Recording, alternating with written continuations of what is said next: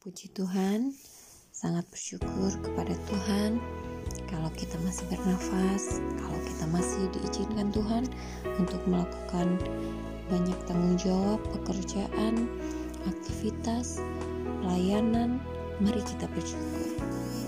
Memang nantinya kita akan melihat bahwa banyak-banyak orang sekitar kita, majikan kita, tuan kita di dunia ini dalam pekerjaan kita mungkin mereka akan menilai. Mereka akan membuat penilaian-penilaian atas pekerjaan yang sudah kita lakukan. No worry jangan khawatir. Apa pun yang sudah kita lakukan asal kita sudah melakukannya seperti di ayat Kolose 3 ayat 22 sampai 24 saya bacakan hamba-hamba, taatilah Tuhanmu yang di dunia ini dalam segala hal. Jangan hanya di hadapan mereka saja untuk menyenangkan mereka, melainkan dengan tulus hati karena takut akan Tuhan. Apa pun juga yang kamu perbuat, perbuatlah dengan segenap hatimu seperti untuk Tuhan dan bukan untuk manusia. Kamu tahu, kamu tahu, kamu tahu bahwa dari Tuhanlah kamu akan menerima bagian yang ditentukan bagimu sebagai upah. Kristus adalah Tuhan dan kamu hambanya. Puji Tuhan, memang kita di dunia ini kita kerja, kita dapat upah, kita dapat gaji, kita dapat salary.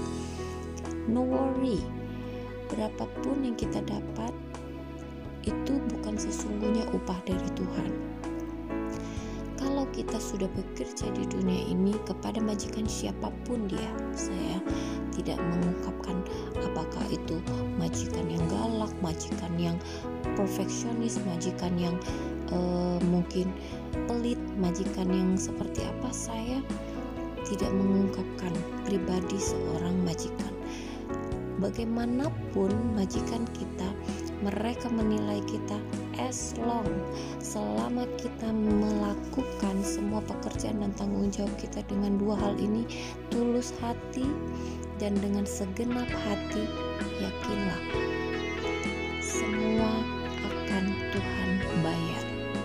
Jadi kita tidak perlu takut dengan penilaian manusia siapa pun dia Tuhan kita. Asal kita sudah melakukan tanggung jawab kita dengan baik melakukan pekerjaan kita dengan baik melakukannya dengan uh, saya boleh katakan do our best ya dengan hati yang tulus ya dengan uh, segenap hati kita apa pun penilaian dari Tuhan kita mungkin masih ada kurang ini itu no worry ya karena kita sudah melakukan yang terbaik nanti Tuhan yang bayar oke okay? saya percaya semua punya pergumulan. Kita semua punya kekurangan. Dan saya tidak mengiyakan kekurangan kita tidak mengiyakan kelemahan kita. Melainkan percayalah di saat kita lemah kuasa Tuhan menjadi sempurna.